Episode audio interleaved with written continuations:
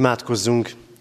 Istennek szent lelke, szállj mi közénk, szenteld meg szívünket és figyelmünket.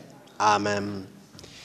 Kegyelem néktek és békesség Istentől, ami atyánktól és megváltó úrunktól, az Úr Jézus Krisztustól. Ámen. Kedves testvérek, Isten tiszteletünk kezdetén a 98. Zsoltárunk első versét énekeljük. A 98. Zsoltárunk így kezdődik. Énekeljetek új éneket az Úristennek örömmel.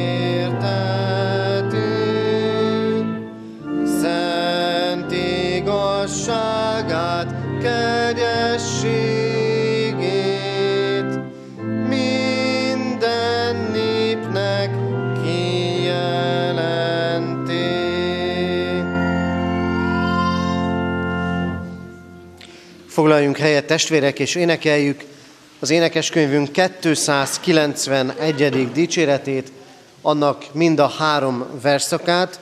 291. dicséretünk a régi énekeskönyvnek a 229-es számú éneke. Végig énekeljük ezt az éneket, így kezdődik. Hű pásztorunk, vezesd a te árvanyájadat.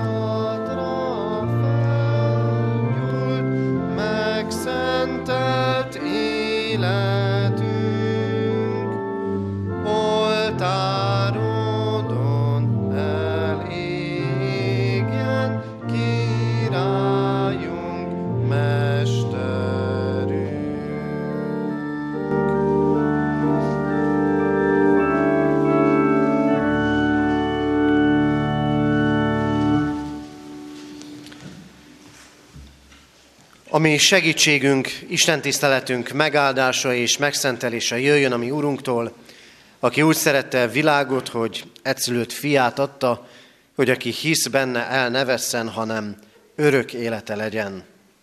Ámen. Kedves testvérek, hallgassuk meg Isten igét, ahogy szól hozzánk a Márk írása szerinti evangélium hatodik fejezetéből, a hatodik fejezet 30. versétől a 44. verséig tartó ige szakaszából. Isten igéjét figyelemmel helyünket elfoglalva hallgassuk. Az apostolok visszatértek Jézushoz, és elbeszélték neki mindazt, amit tettek és tanítottak. Ő pedig így szólt hozzájuk, jöjjetek velem, csak ti magatok, egy lakatlan helyre, és pihenjetek meg egy kisé, mert olyan sokan voltak, akik odaérkeztek, és akik elindultak, hogy még enni sem volt idejük. Elhajóztak tehát egy lakatlan helyre magukban. De sokan meglátták és felismerték őt, amikor elindultak, ezért minden városból összefutottak oda, és megelézték őket. Amikor Jézus kiszállt, és meglátta a nagy sokaságot, megszánta őket, mert olyanok voltak, mint a pásztor nélkül való juhok, és kezdte őket sok mindenre tanítani. De amikor az idő már későre járt, oda mentek hozzá a tanítványai, és ezt mondták neki. Lakatlan hely ez, és az idő már későre jár. Bocsásd el őket, hogy a környező településekre és falvakba menve ennivalót vegyenek maguknak. Ő azonban így válaszolt nekik. Ti adjatok nekik enni. Mire ők ezt mondták neki. Talán mi menjünk el, és vegyünk 200 dénárét kenyeret, hogy enni adhassunk nekik. Jézus azonban megkérdezte tőlük, hány kenyeretek van? Menjetek, nézzétek meg. Amikor megnézték, így szóltak. Öt kenyerünk van, meg két halunk. Ekkor megparancsolta nekik, hogy ültessenek le mindenkit egy-egy csoportba a zöld fűre. Le is ültek százas és ötvenes csoportokban. Ekkor Jézus vette az öt kenyeret és a két halat, feltekintett az égre, megáldotta és megtörte a kenyereket, majd átadta a tanítványoknak, hogy tegyék eléjük, és a két halat is elosztotta minnyájuknak. Miután mind ettek és jól is laktak, összeszedték a kenyérdarabokat tizenkét tele kosárral, és azt is, ami a halakból maradt. Akik pedig ettek a kenyerekből, ötezren voltak, csak férfiak. Isten szent lelket tegye áldását szívünkben az igét, és adja meg nekünk, hogy üzenetét értsük és szívünkbe fogadhassuk. Hallgassuk meg hitvallási iratunknak, a Heidelbergi KT-nak mai egyik kérdés feleletét, amely az ember teremtésével kapcsolatosan szól, a hatodik kérdést és feleletet hallgassuk meg. Harmadik úr napja, kérdés. Hát, hát Isten az embert ilyen gonoszszá és omlottá teremtette? Válasz. Nem, sőt inkább Isten az embert jóvá és a maga hasonlatosságára, azaz valóságos igazságban és szentségben teremtette a végre, hogy Teremtő Istenét igazán megismerje, szívből szeresse, és vele örökké tartó boldogságban élvén őt dicsérje és magasztalja. Jöjjetek testvérek, imádkozzunk!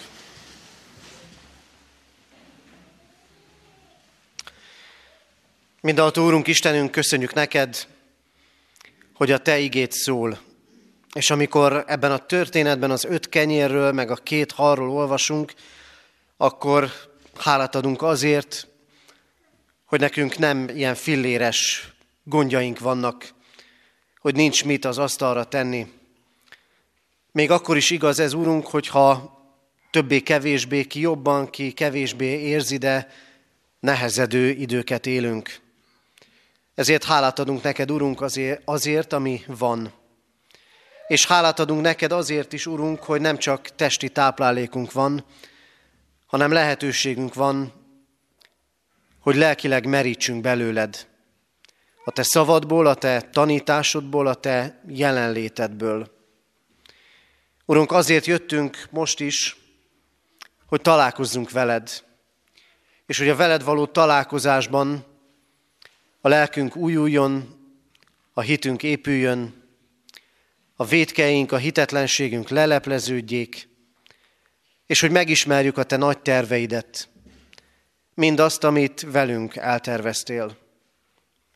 Bocsáss meg, Urunk, amikor nem elég az számunkra, aminek egyébként elégnek kellene lenni. Bocsáss meg, ha nem azt látjuk, ami van, hanem mindig azután sóvárgunk, ami nincs, ami nem lehet a miénk. Bocsáss meg, kérünk, Urunk, irítségünket is, amivel a másik emberre és az ő dolgaira tekintünk.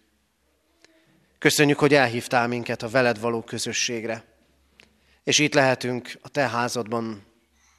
Kérünk, hogy igéd és lelked járja át szívünket, melegítsen bennünket belül, lélekben. Kérünk, szólj, és adj nekünk, Urunk, engedelmes szívet. Ámen. Készüljünk Isten igényének hallgatására. Az énekeskönyvünk 841. dicséretét énekeljük. Ez az énekünk csak az új énekeskönyvben található, de kecskemétiek talán sokan ismerjük enélkül is, hiszen Emmaus házunk éneke ez. 841. dicséretünk első versét énekeljük. Igéddel áldj meg bennünket, Urunk, az ének alatt pedig a gyermekeket várjuk szeretettel a gyermekisten tisztelet közösségében.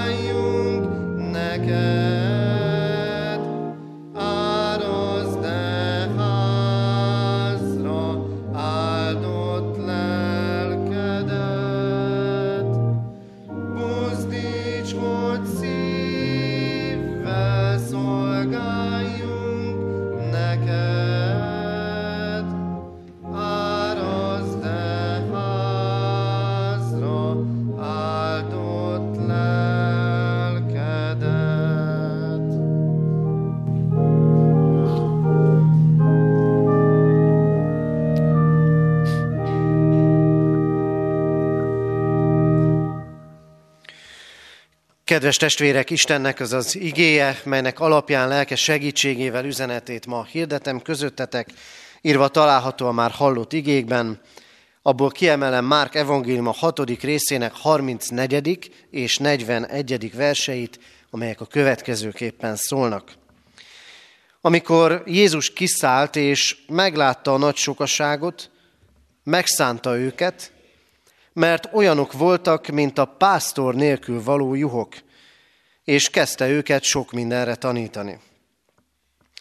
Aztán Jézus vette az öt kenyeret és a két halat, feltekintett az égre, megáldotta és megtörte a kenyereket, majd átadta a tanítványoknak, hogy tegyék eléjük.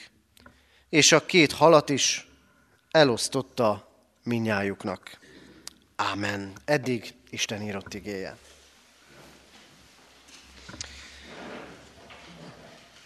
Kedves testvérek,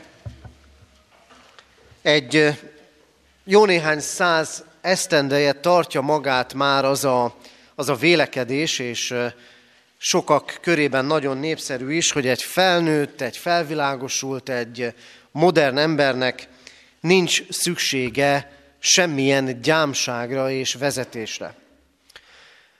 A mi korunknak is az a fajta ember az ideája, aki maximálisan kézben tartja a dolgait, jó döntéseket hoz, lehetőleg kevés tanácsot fogad meg, mert tudja ő, hogy mi a jó. Ez, akik gyermeket nevelnek, meglehetősen kicsi korba elkezdődik, már a két-három éves gyerek is azt mondja, majd én tudom, és meg tudom oldani, és ne szóljon bele senki az ő dolgaiba. És ahogy megy előre az életünk, tulajdonképpen folyamatosan ebben vagyunk benne, mert azt gondoljuk, hogy ha valakitől tanácsot kérünk, akkor azzal mi leszünk a kevesebbek. És persze igaz az, hogy a felnőtt ember az felelős döntéseket hoz. De hogyan hozzuk meg a döntéseinket, és hogyan hoznak döntést az emberek? És miközben korunk ideája ez az ember, azt látjuk, hogy egyébként óriási bajok vannak. Óriási bajok vannak abban, ahogyan a lelkünk van. Nem feltétlen a miénk, és nem feltétlenül most, de úgy általában. Óriási bajok vannak a kapcsolatainkban. Óriási bajok vannak az élethez, a munkához való hozzáállásunkban, és azt érezzük sokszor, hogy az utánunk jövőknél ez még rosszabb lesz. Aztán azt is látjuk, hogy azért mégis az emberek néha eljutnak oda, hogy kell a segítség. El kell menni, megkérdezni a pszichológust, a kócsot, a sor végén valahol a lelkipásztort is, mert nem tudok egyedül boldogulni. Ebben a történetben testvérek Jézus körül különféle emberek vannak. Ott van ez a 12 fős tanítványi kör, akik sok mindent átélnek, és ott van az a tágabb Jézust követő, vagy inkább azt mondhatni érdeklődő, iránta érdeklődő embertömeg, akikről Jézus azt mondja, hogy olyanok, mint a pásztor nélküli juhok akik nem találnak legelőre, akik azt se tudják, miről szól az élet. Élnek bele a vakvilágba. Kedves testvérek, én ma arról szeretnék szólni közöttetek, erre hív ez a történet bennünket, hogy Jézus Krisztussal kell lenni. És akkor lesz vezetőnk, akkor lesz célunk, akkor lesz miért hálát adni, és az életünk sok területén áldás lehet. De Jézussal kell lennünk. Először is azt üzeni nekünk ez az ige, hogy aki Jézussal van, annak van vezetője, van célja, és most hadd használjam ezt a kifejezést, van legelője. Elég gyakori szimbólum a Szentírásban a pásztor jelképe. A pásztor nagyon furcsa kettősséggel szerepelt az Ószövetségben, mert egyrészt nagyon sok ószövetségi történetben szerepelt, másrésztről viszont megvetett emberek is voltak. Jézus korában, ugye tudjuk jól, a pásztoroknak jelent meg az angyali seregek sokasága, és az emberek lenézték őket, mert nem tudtak bemenni a városba, a zsinagógába, a templomba, hogy gyakorolják a vallásukat. Tehát fura kettősség volt. De amikor a Bibliában Izrael pásztorairól olvasunk, az alatt a vallás és a politikai vezetőket is értették, akiknek az lett volna a hivatása, hogy megtartsák az isteni rendet, és az Istenhez vezessék az embereket, és nem tették ezt meg. Nagyon beszédes ez a Jézusi mondat. Olyan volt a nép, mint a pásztor nélküli nyáj. És énekelhettük volna a 23. Zsoltárt is, az Úr én nékem, őriző pásztorom, és füves legelőkön legeltet engem. Mit tudhatunk meg ebből? Azt tudhatjuk meg, hogy aki Krisztussal van, annak van vezetője, és lesz célja. Amikor Jézus azt látja ezeken az embereken, hogy ezek azt se tudják, miről szól az élet, és valljuk be, Sokszor mi se tudjuk, hogy miről szól az élet. Hogy mi is lenne a cél, mifelé is kellene tartani. Egyáltalán mifelé tart a világ, amiben nekem el kellene igazodnom. És amikor Jézus azt mondja, hogy olyanok ezek, mint a pásztor nélküli nyáj, akkor a következő fél mondatban ezt olvassuk, hogy és elkezdte őket tanítani. Magyarán, Jézus a tanításával akarja vezetni, pásztorolni az embereket. Hadd mondjam így, nem lelkizni kezd. Nem olcsó, egymondatos tanácsokat ad, amiket elő lehet húzni majd, amikor éppen szükség van rá. Nem lúzungokat mond Jézus. Ma sem. Amikor korunk embere egyszerre gondolja azt, hogy önállóan tud boldogulni, és keresi a segítség lehetőségét, valójában, mondjuk így, pásztor nélküliségünkben, Krisztus tanítására van szükségünk. Abban kellene elmélyülnünk. Arról kellene gondolkodnunk. És újra mondom, Jézus nem egy-egy jó tanácsot ad ezeknek az embereknek. Órákon keresztül tanítja őket. Beszél a lelkükre, beszél az értelmükhöz, és máshol olvassuk, akik Jézust hallgatták, úgy érezték, ez nem úgy tanít, mint az írástudók, akiknek ez a szakmája, mert a, hat, a, a szavának súlya van, úgy tanít, mint akinek hatalma van. Ezért, kedves testvérek, mondjuk ki nyugodtan. Korunk emberének elveszettsége. Önmagát megtalálni nem tudása. A lelki teherbíró képtelenségének oka az, hogy nem vesszük komolyan, meg kevés az a krisztusi tanítás, amit a lelkünkre vennénk, amihez elkezdenénk tartani magunkat. Nem csak néha-néha, hanem folyamatosan és kitartóan. Mert amikor Krisztus tanít, akkor célt ad. Mint ahogy a pásztor reggel ott is kiterelte a karámból a juhokat, este meg beterelte, és az ő dolga volt az, hogy mindenkit számon tartson. És tudta, hogy hol van a legelő. Meg melyik növény jó, meg melyik nem.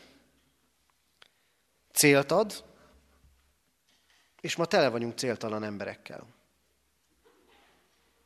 Motiváció nélküli emberekkel. És amikor célokat valósítunk meg, akkor nyilván kellenek új és új célok. Ettől megy előre az élet. De a nagy, Krisztus által adott célt látjuk-e? Amikor Jézus tanít, akkor ő az Isten országáról tanít.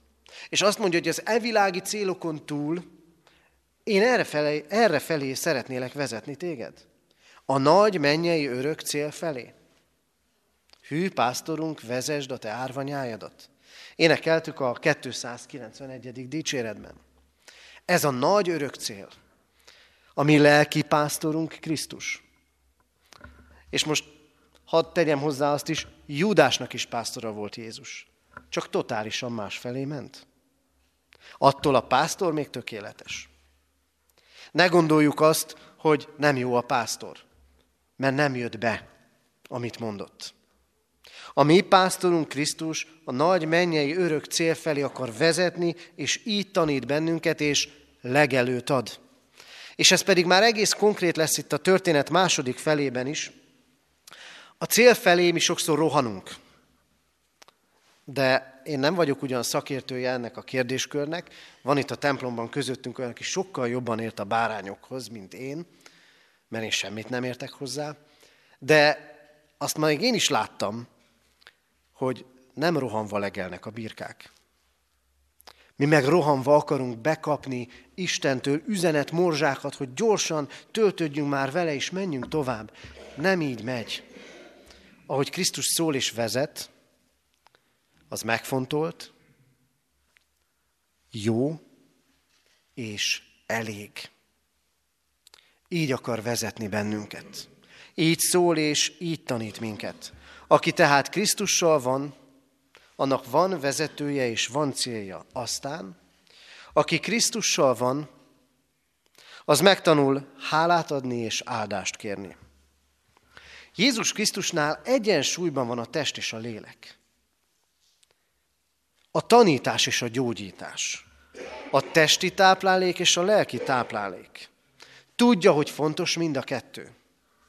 A lelki is, meg a testi is. És miközben nála egyensúlyban van, észrevesz, hogy ja, már órák óta tanítom ezeket az embereket, és, és megéheztek.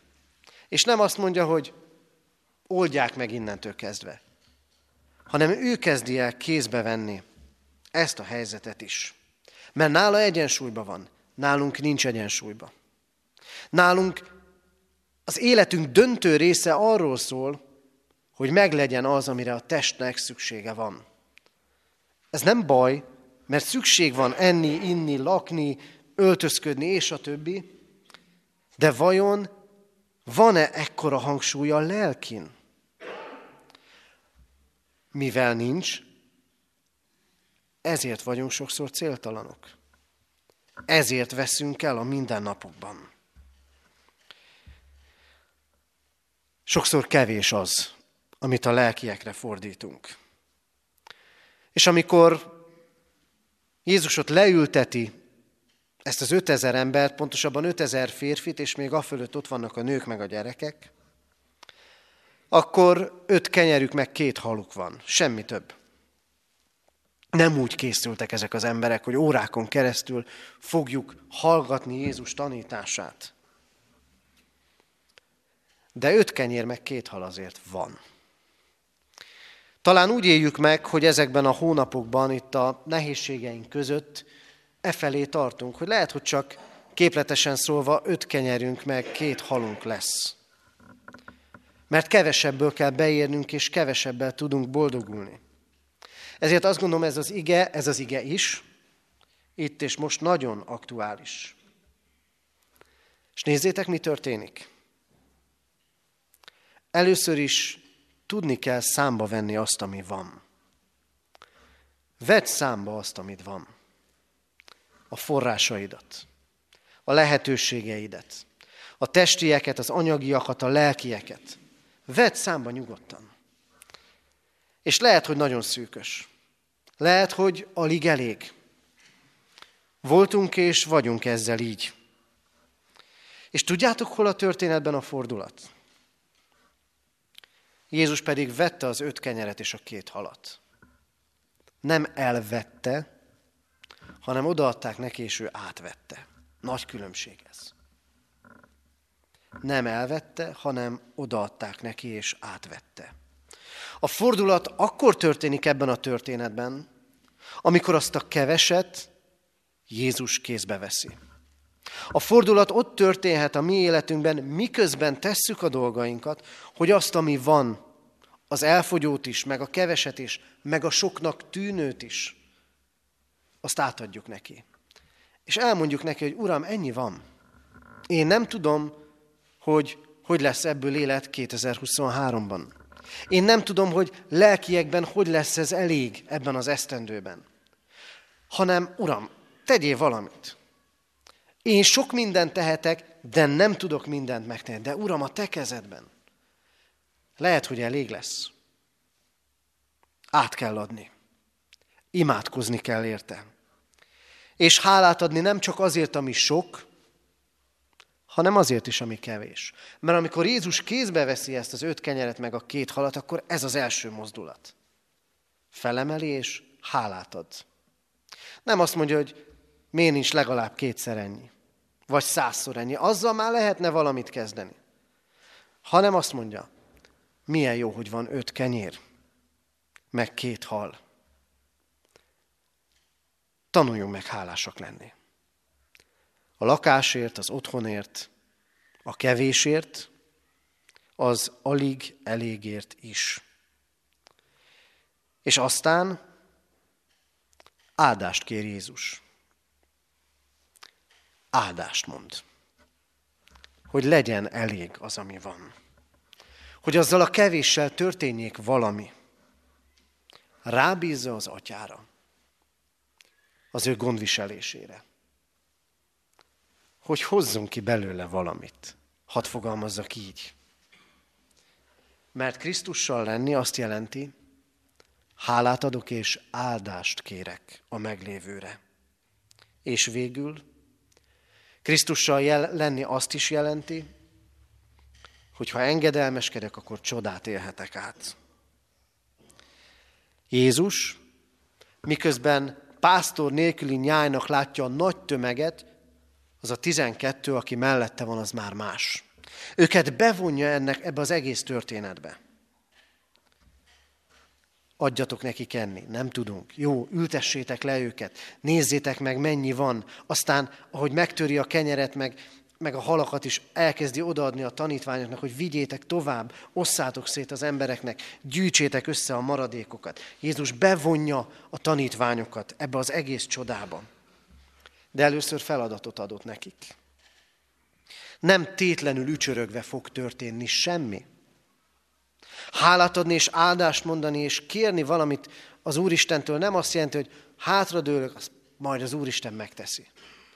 Tennem kell, amit, amit tehetek. A munkában, a gyülekezetben, a szolgálatban, az önkéntességben, mindenhol. Tennem kell, amit tehetek. És azt fogja megáldani Jézus. Szinte pontról pontra vezeti végig a tanítványokat ebben a történetben. Még nem látják a következő lépést, most ezt kell megtenni. És akkor megteszik. Én nem tudom, hitték-e, hogy itt bármi történhet, de megtették. Nem tétlenül ücsörögve fog bármi is történni. De az biztos, lehetnek most, vagy a jövőben olyan feladataink, amik egyszerűen meghaladják a képességünket. Jó látni ilyet itt a Szentírásban. Az enni adás meghaladja a tanítványok képességét és lehetőségeit. Néha kell látni a falakat. Néha kell látni azt, hogy mi nem megy. Hogy végre ne csak magunk akarjunk megoldani mindent. És innentől kezdve, hogy a tanítványok eljutnak a falig, hogy mi képtelenek vagyunk ezt a helyzetet megoldani, innentől kezdve elkezdenek engedelmeskedni. Számoljátok meg, mennyi van. Nem elég, ami van. Ültessétek le az embereket, osszátok ki. A csoda a kétségek között születik, de az engedelmesség elengedhetetlen hozzá. Kedves testvérek, lehet, hogy így vagyunk mi most. Hogy kevésnek tűnik az, ami van. Talán arra készített az Úristen időt ezekben a hónapokban, megengedte a megpróbáltatásokat, hogy végre minden körülmények között elkezdjünk engedelmeskedni neki. Benne bízva. És azt remélve, hogy hát akkor lesz valami. Ebben a történetben ezt ígéri nekünk, és ezért azt kérdezi. Kész vagyok-e engedelmeskedni? Kedves testvérek, olyanok voltak ezek az emberek, akik odajöttek Jézushoz, mint a pásztor nélküli nyáj. Ő pedig elkezdte tanítani őket az életre, az örök életre, és ezzel együtt az evilági életre. Hát nekünk is ezt kellene tennünk. Kitartóan és bátran tanulni Jézustól. Kinyílni felé.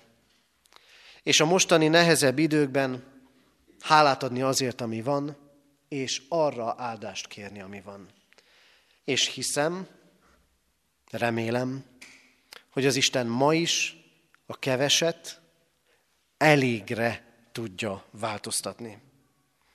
Ebben segítsen és vezessen minket a mi Urunk, hogy így tudjunk hálásak lenni, áldást kérni, és neki engedelmeskedni.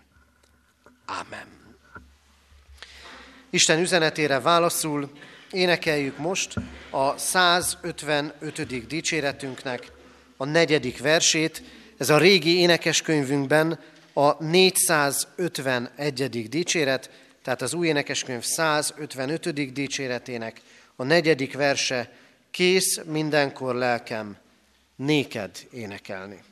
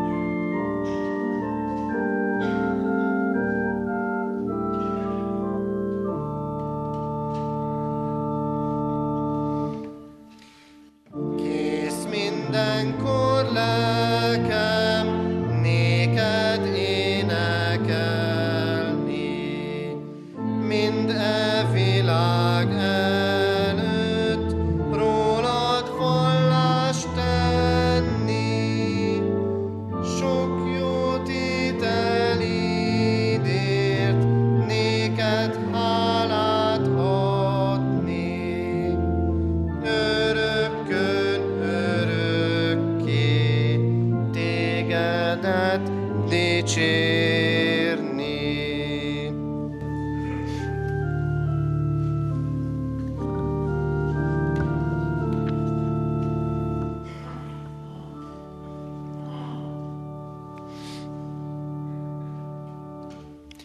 Helyünkön maradva imádkozzunk.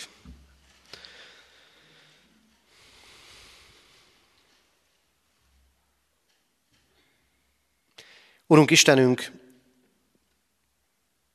köszönjük neked, hogy szóltál hozzánk.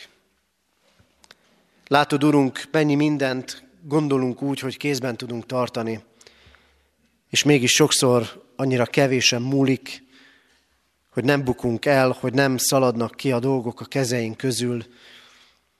És olyan sokszor megtörtént már, hogy utólag visszatekintve láttuk úgy, nem volt semmi a kezünkben. Te formáltad a történéseket, te mutattad meg kegyelmedet, könyörültél rajtunk, és erőt adtál a dolgaink között. Urunk, bocsáss meg nekünk, hogyha nem követünk téged. Ha jól lehet te, mint hűséges pásztorunk, vezetni akarsz bennünket a nagy, örök, mennyei cél felé, mi mindig elkódorgunk, mi azt gondoljuk, hogy van jobb és más lehetőség, meg legelő is. Bocsáss meg, Urunk, ha azt gondoljuk, a veled való közösségünket megélhetjük egy-egy ige megtanulásával, vagy éppen felidézésével, ahelyett, hogy állandóan is mindig hallgatnánk tanításod, hogy ráállítsd és rajta tartsd lelkünket az élet útján. Urunk, látod, hogy mi az, amivel küzdünk, amiről azt gondoljuk, hogy kevés, vagy nem lesz elég, vagy el fog fogyni. Láttasd meg, Urunk, ezeket velünk úgy, mint amiért lehet hálásnak lennünk, mert van, még ha kevés is. És hadd tudjunk hálásak lenni azért is, amiről látjuk, hogy sok, hogy nem csak elég, hanem sok, és hadd tudjunk azzal szolgálni a másik ember felé. Urunk, áldást kérünk így életünkre, a lelkiekre, a testiekre, az anyagiakra, mindenre. És köszönjük, Urunk, hogy miközben találkozunk megoldhatatlannak tűnő feladatokkal az életünkben, Te arra hívsz bennünket, hogy csak engedelmeskedjünk neked. És Te hordozod a mi dolgainkat. Így kérünk, Urunk, erőt a mindennapokhoz, a feladatainkhoz, a neked való engedelmességhez. És enged tapasztalnunk így megtartó kegyelmedet. Imádkozunk hozzád nem csak önmagunkért, a ránk bízottakért, a szeretteinkért is, a betegekért, a gyászolókért, a terheket hordozókért. Imádkozunk gyülekezetünk szolgálatáért, légy ennek a gyülekezetnek pásztora, vezetője, és ad, hogy a felelős vezetők engedelmeskedjenek neked. Imádkozunk városunk, országunk és a világ vezetőiért. Könyörgünk, Urunk, békéért, nem csak a háborús helyzetben, hanem a konfliktusainkban, a bajaink között, a belső háborgásunkban is. Kérünk, légy a mi népünk őrizője és megtartója, és kérünk, hallgass meg csendben elmondott személyes könyörgésünket. Ámen.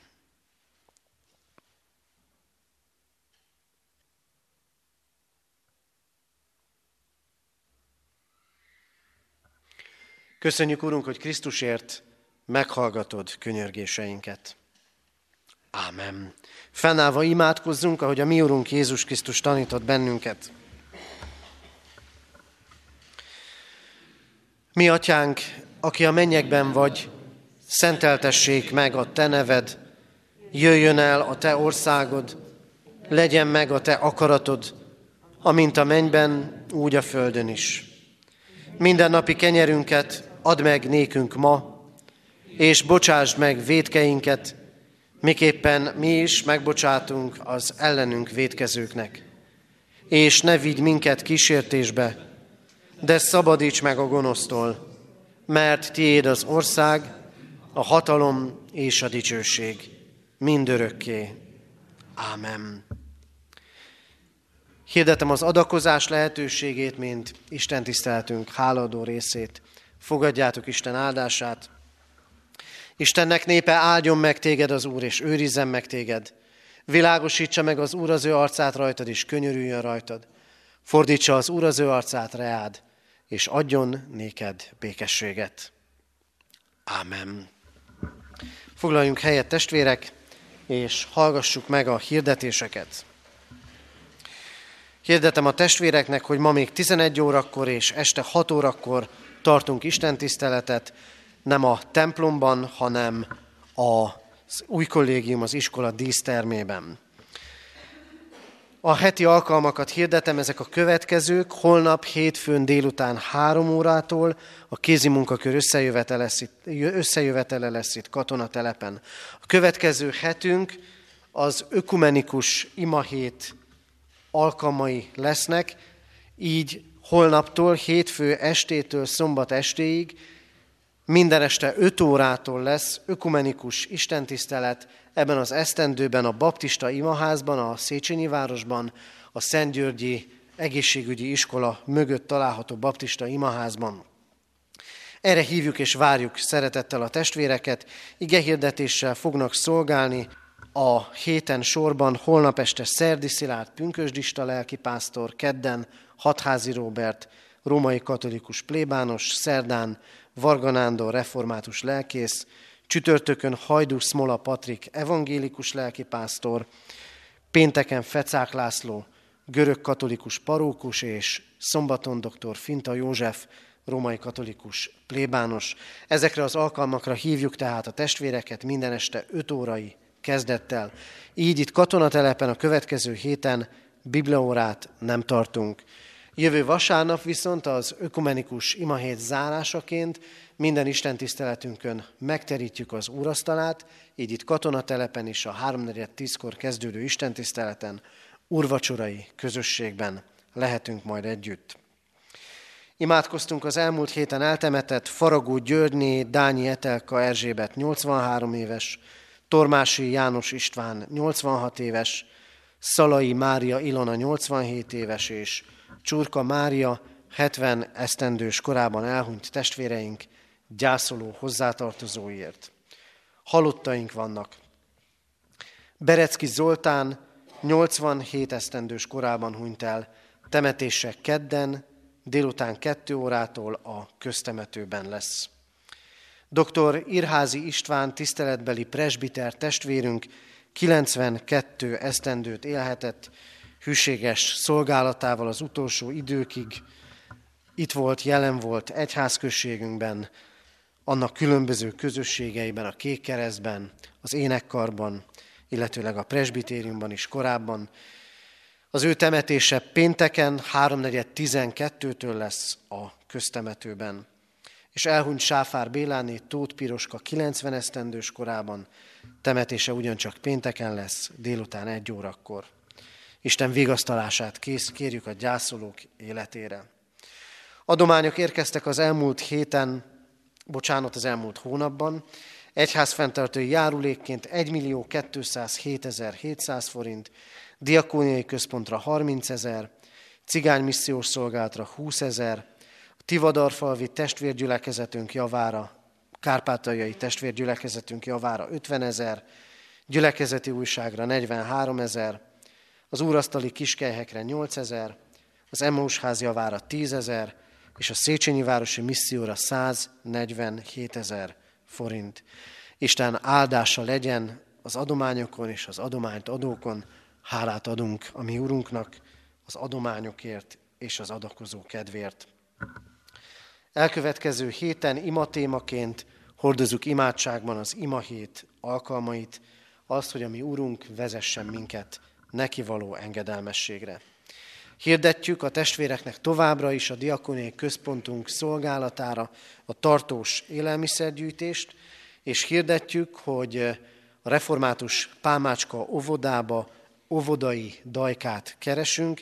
Kérjük a testvéreket, hogy aki tud olyanról, aki ezt a munkát tudja vállalni, vagy ilyen munkát keres, jelezheti nekem az Isten tisztelet végén is, illetőleg a Pálmácska óvoda intézmény vezetőjénél.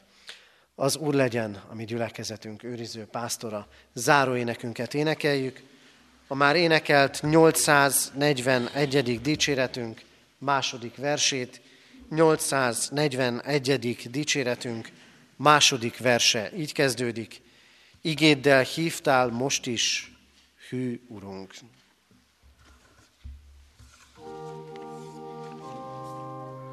Mm-hmm.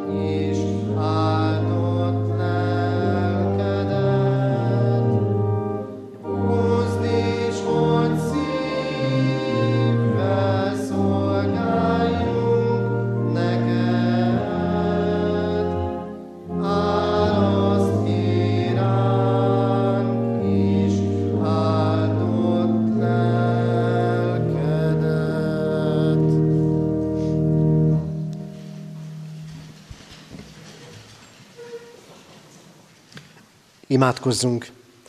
Hűséges Jézusunk, tégy minket a Te szófogadó tanítványaiddá. Ámen.